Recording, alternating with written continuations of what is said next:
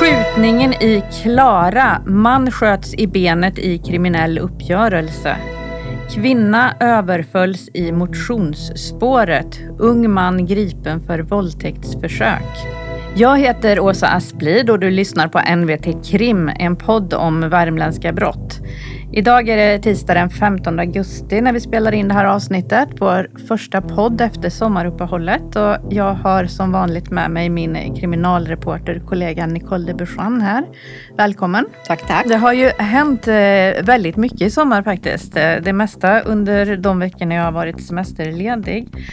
Eh, det mest anmärkningsvärda är ju skjutningen i Klarakvarteret här i Karlstad, inte alls särskilt långt från NVTs redaktion. Eh, det skedde i mitten av juli och eh, du var ju ganska snabbt nere på brottsplatsen, Nicole. Kan du berätta lite grann vad det var som hände? Jag satt och jobbade som vanligt. Det var torsdag den 20 juli, så det är ju snart en månad sedan faktiskt. Och eh, då ringde min, eh, en av mina nyhetschefer Helena och sa släpp allt du har, en man har blivit skjuten i Klara. Och um, först tänkte jag att det var, nog, det var ett konstigt tips alltså för att dels var det här var mitt på dagen, klockan var runt två. Och sen just Klara, det är ju ett ganska lugnt och lite sömnigt kvarter där folk bor. Det finns parker och några myndigheter och sådär. Alltså, det känns inte som att det var där det skulle skjutas. Nej, väldigt nära mitt i stan där ja. det är jättemycket folk som, som rör sig ja. också. Och det här var också en väldigt fin dag för en gångs skull den här sommaren då. Så det var mycket folk som låg och solade där nere. Och ja, folk rör sig ju mycket på cykelbanan också som går mellan Klarälven och Länsstyrelsen och det var där det här skulle ha hänt då. Så jag, jag gick dit Eh, för att kolla vad det var som hade hänt. För vi var ju tvungna att följa upp det här tipset såklart och då kunde vi ganska snart få bekräftat att det hade varit en skjutning. En person var skjuten. Vi visste i början ingenting. Hur mm. såg det ut när du kom till platsen? Det var ganska mycket poliser där. Ja, då. för då hade det hunnit gå en stund eh, innan jag kom och då eh, var det fullt av poliser. Det var polisbilar, det var hundpatruller, det var civila poliser man kände igen dem på vapnen. De hade nerstuckna i byxlinningen. Mm, och, och, ganska stora avspärrningar ja, också Ja, avspärrning utöver eh, cykelbanan och över mot eh, byggnaden som ligger där den här skjutningen ska ha skett då. Och så var det mycket media och sen var det ganska många nyfikna också för som sagt så var det ju mycket folk i, i närheten. Men mannen som var skjuten han, han hade transporterats mm. därifrån då? Ja, ganska så snart så kom ju polisens eh, presstalesperson ner och höll en improviserad liten presskonferens där hon bekräftade att ja, en person var skjuten, läget var allvarligt. Jag tror vi fick veta då att det inte var livshotande. Och ganska snart så sa de också att det inte var, man inte misstänkte att det här rörde sig om en eh, galen person som gick och sköt människor på måfå. Nej, utan mm. det, det fanns liksom någon slags motivbild ändå till ja, att det här hade skett. Ja, precis. Ja. Eh, men, men du pratade ju med en del människor på platsen där. Vad sa de för någonting? Ja, nästan alla kunde berätta just om det här höga skottet. Att de låg och solade och hörde ett högt skott eller satt och jobbade i Länsstyrelsen och hörde ett högt, en hög smäll, rättare sagt. Därför att ingen av dem jag pratade med tror jag drog slutsatsen att det här var ett skott från ett skjutvapen utan man trodde det var någon blev irriterad för att folk höll på med smällare mitt på dagen och sådär. Man trodde, sökte naturliga, lite andra förklaringar än just mm. att det skulle röra sig om Det är ju skott. kanske inte så konstigt för, för det här är ju en, en händelse som, som verkligen sticker ut i mm. Karlstad. Mm. Vi har ju varit väldigt förskonade från allvarliga ja. skjutningar här i stan jämfört med många andra delar av, ja. av landet. Så. Och de men, skjutningar men som har var... skett, de har ju skett på, vi har ju haft skjutningar men det har ju varit på nätterna och Ja, inte mitt i stan eh, under tiden som folk rör sig liksom, i området. Och det är ju i regel aldrig någon som blir träffad eller de Nej. Det är väldigt länge sedan någon, någon skottskadades ja. i Karlstad. Jag tror att det var sommaren Är det 19? 2019 eller 2020. Så mm. att det, det är ju verkligen en ovanlig händelse. Men, men hur var stämningen där nere? Var människor oroliga för det Alltså inte hänt? där och då direkt tyckte jag. Alltså det blir ju en märklig stämning. Alltså snart så förstod ju folk att det var en person som var skjuten men det blir ju samtidigt en eh, en nyfikenhet kring den här händelsen mer än en skräck och och så. Man förstod väl att gärningsmannen inte längre var kvar på platsen och sådär. Många människor kom dit efter att ja, de hade fått reda på vad som hade hänt. Även dagen också. efter så, när jag, så träffade jag på folk på, på den här brottsplatsen som hade åkt dit enkom för att titta och kolla läget på stället där det här hade hänt. Mm. Faktiskt, så det blev, ja det skapar ju ett intresse helt enkelt. Ja. En sån händelse. Eh, så här nu då, det är nästan en månad sedan det här skedde. Vad, vad vet vi om, om förloppet precis liksom tiden eh, runt skottlossningen? Ja, vi vet ju då att det finns en man som har kommit från NVT-hållet eh, på en elsparkcykel som alltså har rört sig in mot stan på den här cykelbanan som löper ut med Klarälven mm. nedanför Länsstyrelsen. Och vi vet att en man är skjuten i Hörnan, jag vet inte riktigt den, om det finns ett gatunamn där ens en gång, men det finns ett företag som, som ligger där precis ganska nära Länsstyrelsen. Alltså ja. mannen är skjuten, han var alltså på väg Förmodligen kom mannen som blev skjuten inifrån stan och promenerade och skulle svänga upp höger för att gå till frivården som ligger i Karolinen. Så han skulle gå genom Våxnäsparken då, ja. möjligen. Eller om man skulle gå in huvudentrén i Karolinen. Mm. Och där, där sker skotten då ja, helt någonstans enkelt? på cykelbanan så blir han skjuten helt enkelt. Och det är ju många vittnen som har satt den här eh, elsparkcykeln och mannen på cykeln, elsparkcykeln i samband med eh, skotten. Jag har inte pratat med någon som har sett själva skjutningen faktiskt. Eh, och det kanske har att göra med att de ändå valde eh, en tidpunkt när han inte var mitt ibland folk, den som sköt. Nej. Eh, men i alla fall så är det folk som har sett den här som man då uppfattar som flyende elsparkcykeln som fortsatte in mot Karlstad. Och så på cykelbanan med då Länsstyrelsen på sin vänstra sida och sen direkt efter, jag följde hörnet runt Länsstyrelsen upp på gatan, en gata som heter Bryggaregatan. Och sen försvann upp mot ja, Våxnäsgatan och, eller Klara. Vi ja. vet ju egentligen inte vart han tog vägen Nej. då. Och vittnen har även kunnat ge vissa uppgifter om hur den här misstänkte skytten var klädd. Ja, för att eh, det finns uppgifter om att han hade, var maskerad för ansiktet. Med vad vet inte jag. Eh, och sen också att han ska ha haft en stor gråsvart eh, vant eller handske på ena handen åtminstone. Det vet vi. Ja. Mm. Det fanns uppgifter om någon grå Svart, hoodie, eller? Jag tror han var mörkt klädd också. Mörkklädd. Mm, mm. Och sen eh, polisen sökte väl även i området och hade pratat med något vittne mm. som hade det blev ju väldigt mycket aktivitet då förstås. Så jag har pratat med ett vittne som kom och gick vid Brigadmuseum, alltså på Sandbäcksgatan ut med andra älvfåran, och, eller älven igen. Och han, eh, då, han blev stoppad av polis och de frågade om han hade sett någon på just en elsparkcykel men det hade han inte gjort då. Så att polisen skannade väl av hela närområdet då skulle jag tro mm. i jakt på den här misstänkte skytten. Sen gick det inte många timmar. Klockan var strax efter fem när ni fick ett eh, tips om ytterligare en stor polisinsats i Karlstad. Vad, ja. vad var det för någonting? Vi fick eh, bilder på en insats eh, där det syntes tydligt att det var personer som greps. Det här var i Viken. Vi fick uppgifter om att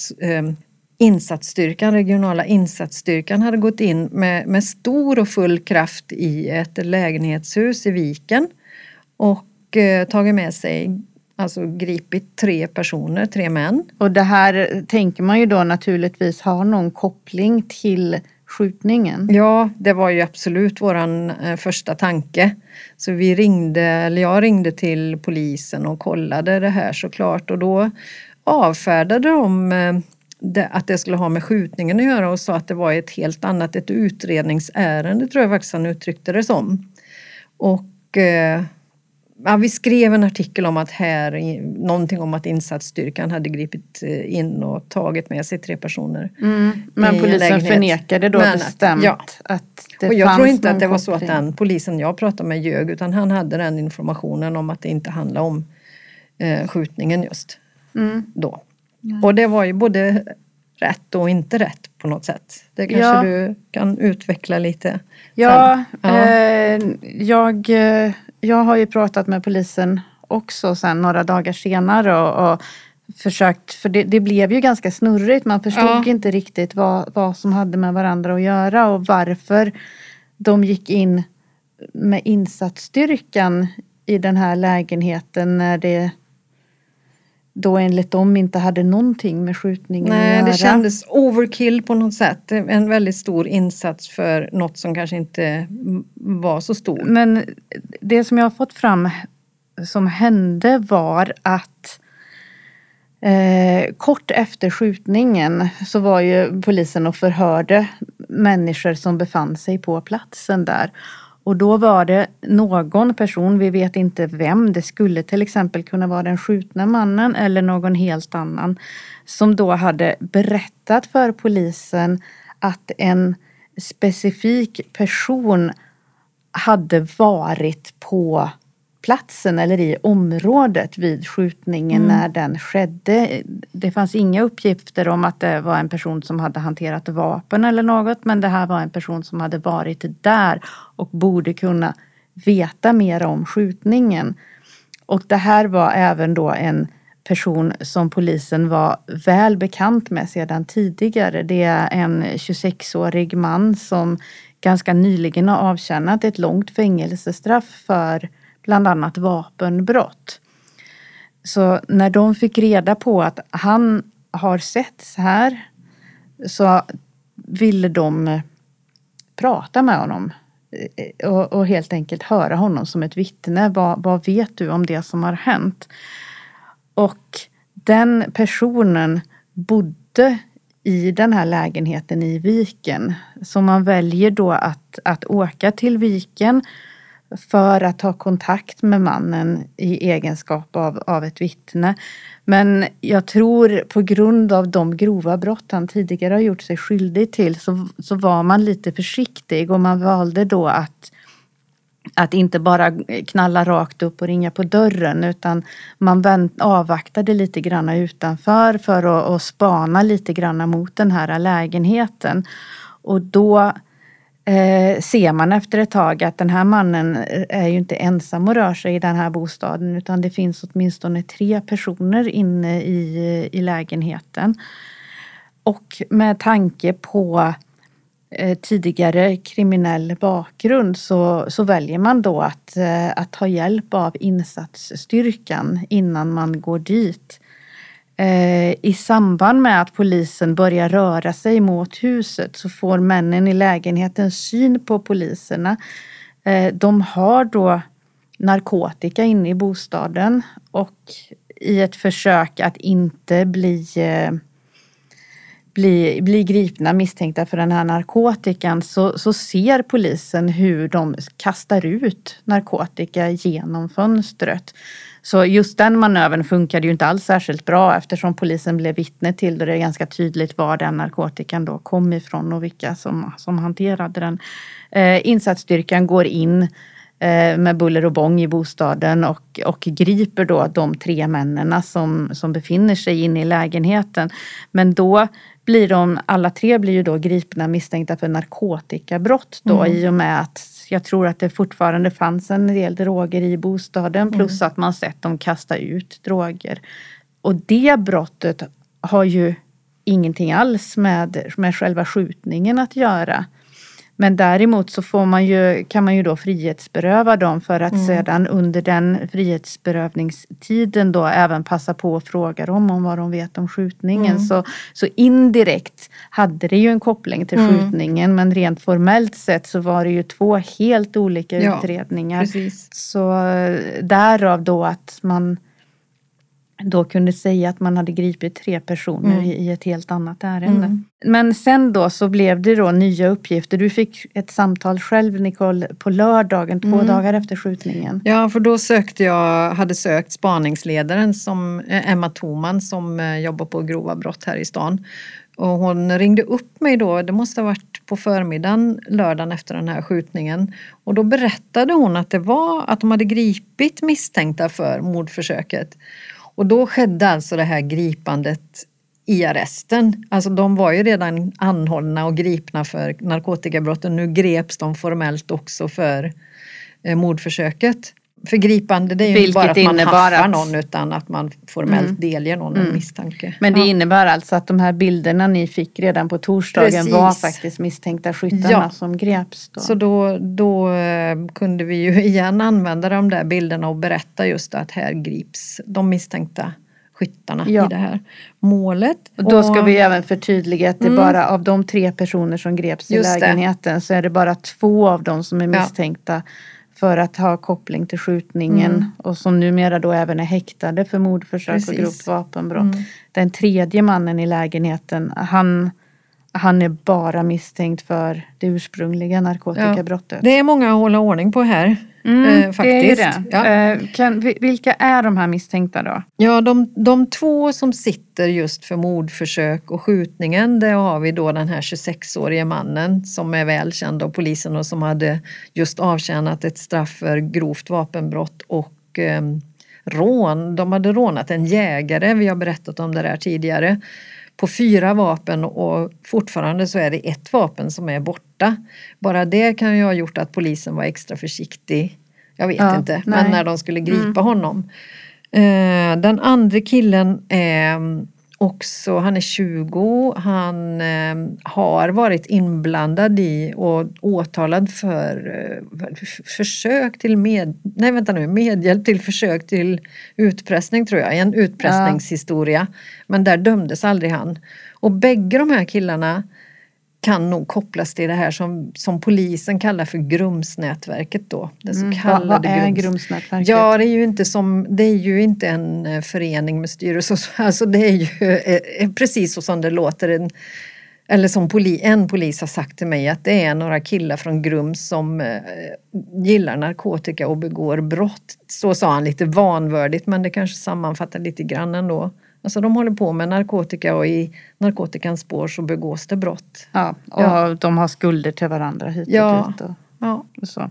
Ehm, det är ju de två som sitter häktade då och sen har vi ju då den tredje mannen som enbart är misstänkt för narkotikabrott. Ja. Det är ju en man från norra Sverige Mm. som vi tidigare ostraffad. ja, som vi vet inget om egentligen eller som, inte är känd för oss i alla fall. Nej. Nej. Eh, sen är det ju ytterligare två personer som är misstänkta i utredningen som rör skottlossningen. Vi har också en man som greps på lördagen efter skjutningen, alltså torsdag, fredag, två dagar efter skjutningen. Och eh, han är alltså skäligen misstänkt för mordförsök och grovt vapenbrott och det är ju den lägre misstankegraden så han har aldrig begärts häktad. Eh, så han har inte suttit frihetsberövad för det men han är fortfarande misstänkt säger åklagaren. Och ehm, Sen har vi en som greps eh, en, var En det sju efter. dagar senare ja, som Ja. är misstänkt för eh, skyddande av brottsling och inte heller han är frihetsberövad då. Eh, och han tros också, eller vi har uppgifter som gör gällande att han också kan kopplas till det här Grumsnätverket då. Och det här skyddande av brottsling då, det behöver ju inte innebära att det faktiskt är en person man skyddar. Nej. Eh, Det, det frågade jag åklagaren specifikt och hon förklarade ju då att det kan även innebära att man undanröjer bevis till exempel som, som hjälper den verkliga brottslingen att komma undan. Så till exempel så kanske han har eh, hjälpt till att, att gömma vapnet som användes. Det är sådana saker vi inte vet men det Nej. skulle kunna vara en tänkbar sak som den personen misstänks ha gjort. Då. De här eh, totalt fem personerna då, vad, vad säger de om misstankarna? Ja, de, eh, alltså åtminstone de som sitter häktade vet vi ju förnekar brott. Men sen har vi ju även den här skjutne mannen då. Just det. Eh, För vi visste till att börja med inte vem han var överhuvudtaget. Utan det fick vi veta via olika ja, kontakter. På lördagen Ehm, fick vi känna till liksom, kännedom om hans eh, identitet, vem han var. Och eh, då skulle det ju visa sig att det var en person som var väl känd av polisen, vilket ju polisen på ett sätt redan hade sagt eh, tidigare. Men du, du har ju läst på lite om den mannen Åsa, så du kan väl bara berätta. Ja, det är. det, eh, det är ju en man i, i 30-årsåldern. Han eh, bor inte i Karlstad, han kommer från en eh, annan ort i, i Värmland. dömd för, för en rad olika brott under årens Mm. lopp. Han avtjänade ett fängelsestraff här för inte särskilt länge sedan. Så han, han blev villkorligt frigiven i maj i år och har ju, ja, det är bara drygt två månader efter att han kom ut ur fängelset som det här skedde då. Ehm, är eh, delvis boende i Stockholm där han har eh, nära anhöriga och eh, ja, under fängelsevistelsen försökte han även att bli placerad på något av anstalterna Norrtälje eller Österåker just för att kunna vara nära familjen i, i Stockholmsområdet då, men, men så blev det inte. Men han vistas även ofta, också ofta i Karlstad Mm. området då och just på grund av den här villkorliga domen så, så behöver han ju besöka frivården i Karlstad med Mm. jämna mellanrum. Och jag, eh, jag talade ju med eh, anhöriga till honom och de misstänkte ju att kanske de här skyttarna helt enkelt kan ha kartlagt hans rörelsemönster så att de visste att han var på väg till frivården och därmed ja, kände till var och när han skulle befinna sig i det här området. Mm. Då. Eh, så det var inte direkt en slump att, att skotten föll där de gjorde. Nej. Sen vet vi ju även efter, efter eh, skottlossningen då så fördes han ju till centralsjukhuset Mm. i Karlstad där han låg inlagd i några dagar. Men, men eh, han har ju fått eh, lämna sjukhuset sedan länge och mår mår, mår helt okej i- idag. Jag pratade med honom väldigt kort för ett par dagar sedan och då sa han att, att det var, Mm. ja, han mådde bra. Han hade tur får man väl ändå säga. För det är klart att om man blir skjuten i benet kan det ge svåra skador också. Ja, Mm. verkligen. Sen, sen finns det ju även uppgifter om att han har eh, levt under dödshot eh, under perioder. Det, det är uppgifter som du har fått fram lite mer om. Mm. Jag fick höra, eller har fått uppgifter om att han ska ha varit utsatt av vad som verkar vara någon typ av kriminell organisation som har haft ett, en, ett krav på honom på ganska mycket pengar. Delar av den där skulden ska han ha betalat tillbaka men eh, det kvarstod då en skuld på drygt 100 000 som de nu jagade honom för. Eh, vad jag förstår av de här uppgifterna jag har tagit del av. Och eh, de ska också eh, ha hotat med att Eh, de har folk som skulle vara villiga att knäppa honom för inte så mycket pengar alls egentligen.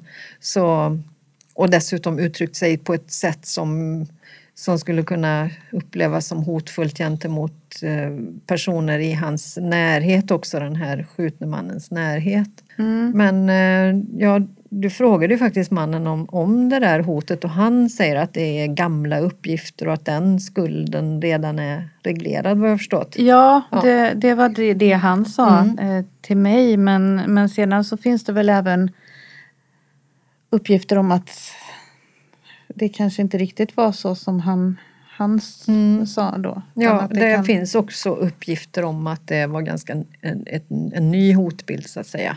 Men vi får se. Vi, Ja, vi det, det är ju det är en, en eh, tänk, ett tänkbart motiv till Mm. skottlossningen Ja. i alla fall.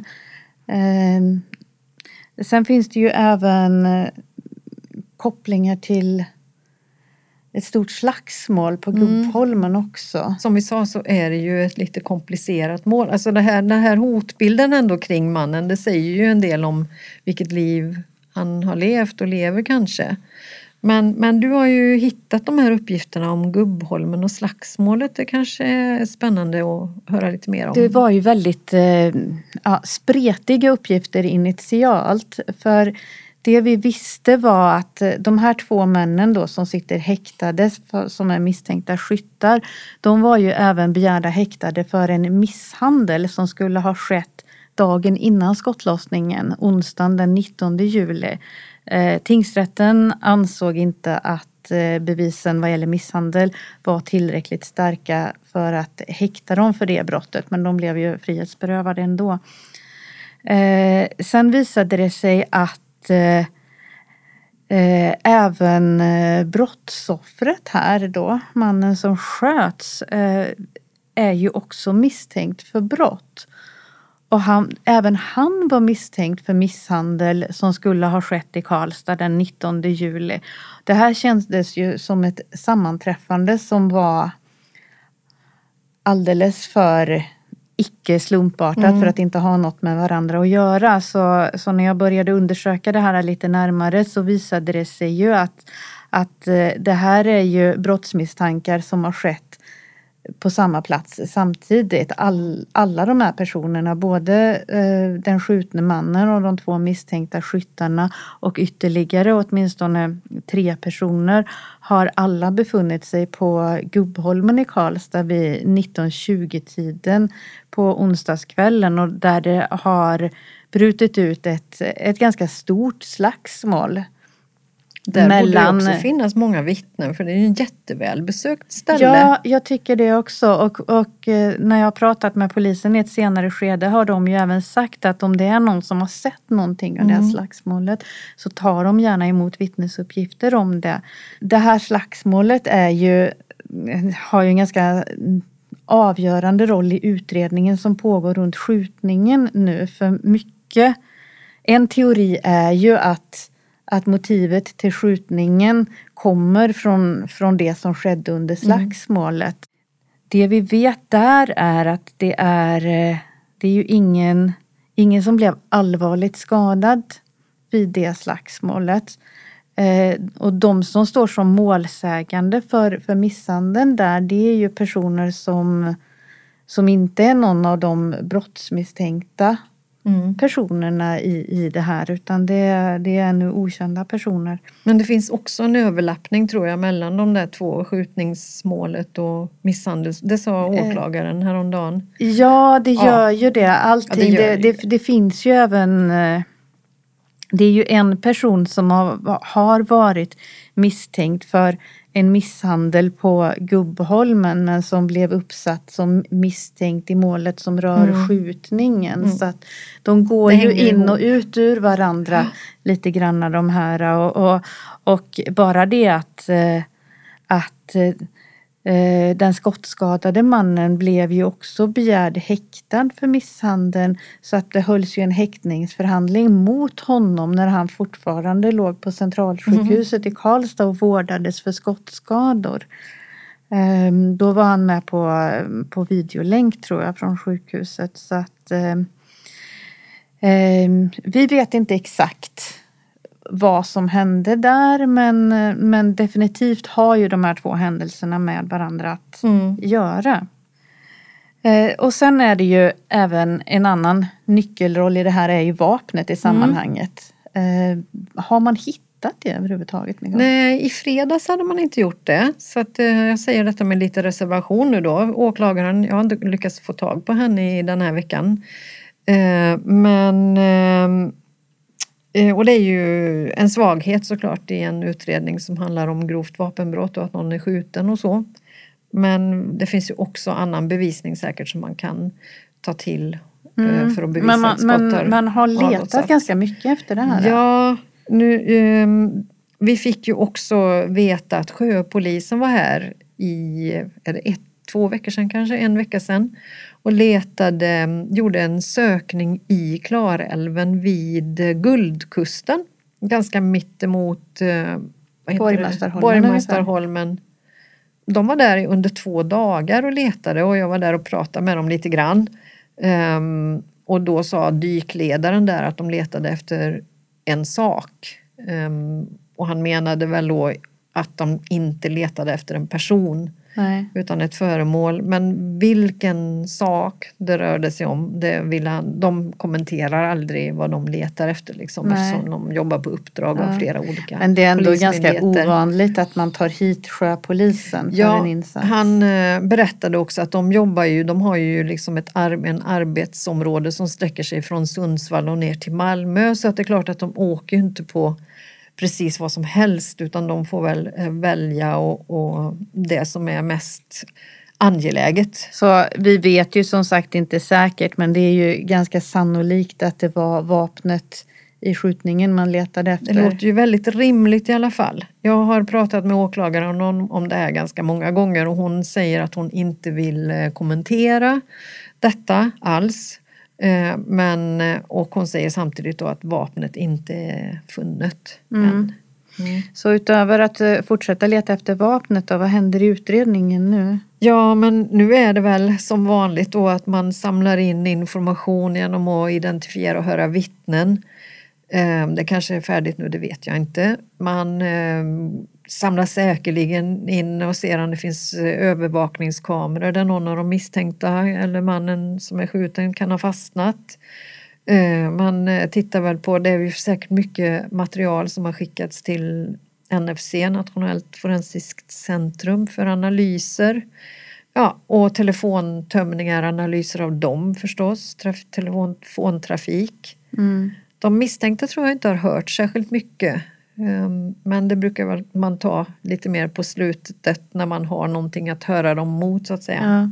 Men traditionellt eh, utredningsarbete Ja. helt enkelt. Mm. Och åtal, eh, åklagaren har begärt förlängning nu till eh, den 21 augusti, alltså ja, en knapp vecka för att väcka åtal. Mm. Ja, det lär ju inte vara klart Nej, dess. absolut inte tror jag. Nej. Hej där kära krimlyssnare! Äntligen sommar! Det firar vi på NVT med ett erbjudande. Läs de senaste nyheterna med NVTs digitalpaket. Hela sommaren helt gratis. Med digitalpaketet får du fri tillgång till NVT e-tidning och alla artiklar på nvt.se och i appen. Länken till erbjudandet hittar du i avsnittsbeskrivningen. Nu, tillbaka till podden.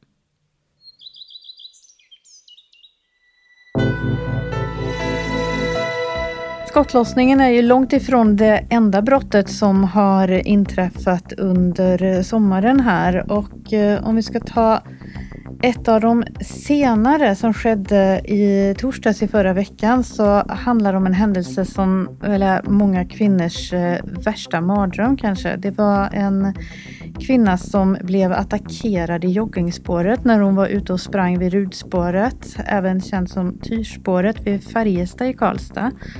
Eh, vad vet du om det här Nicole? Ja, det är egentligen så som du säger att kvinnan var ute och sprang elljusspåret där vid Tyr, Färjestad. Det går Färjestad-Rud i skogarna där. Eh, och då eh, stötte hon på en man eller en yngling, han är inte ens fyllda 20, eh, som på något sätt har tagit kontakt med henne i spåret.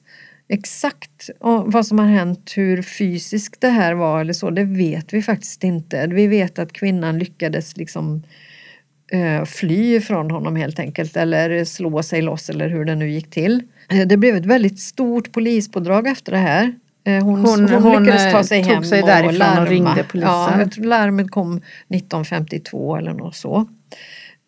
Och polisen drog ut med eh, stora resurser, många patruller.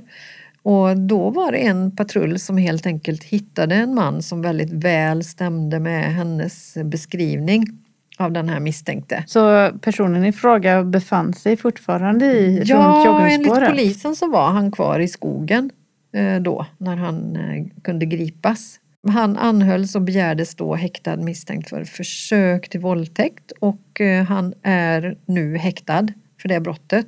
Ja, vad, men har han sagt något själv om Ja, här? det har han faktiskt. Han erkänner att han har tafsat på henne och den brottsrubriceringen blir ju då sexuellt ofredande. Han säger att han tog kvinnan i handen och på brösten och rumpan men att han inte alls hade någon avsikt att försöka våldta henne utan han ville bara ha kontakt har han sagt. Vad händer i utredningen nu då? Man eh, försöker väl att säkra spår, fortsätta förhör kanske med kvinnan och, och mannen.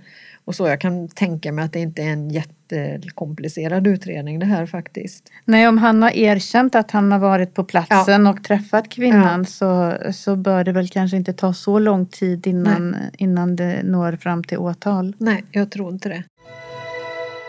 Det har ju kommit en del domar under sommaren också och bland annat i två uppmärksammade fall som vi både har skrivit och poddat om förut i år.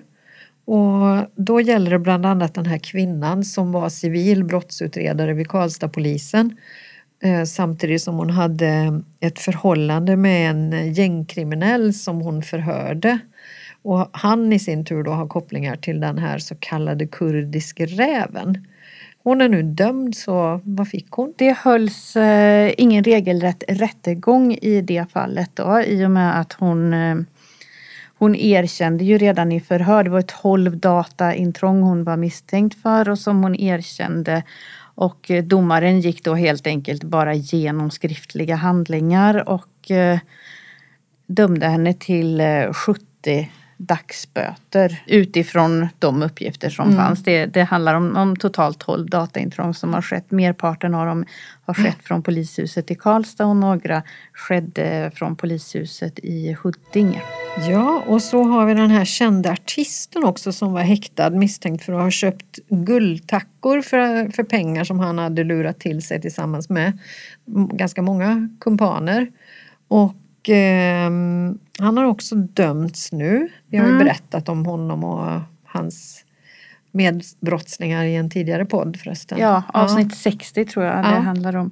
Ja, det var ju rättegång där eh, tidigare i sommar. Eh, där eh, det var totalt åtta personer tror jag som åtalades för brott.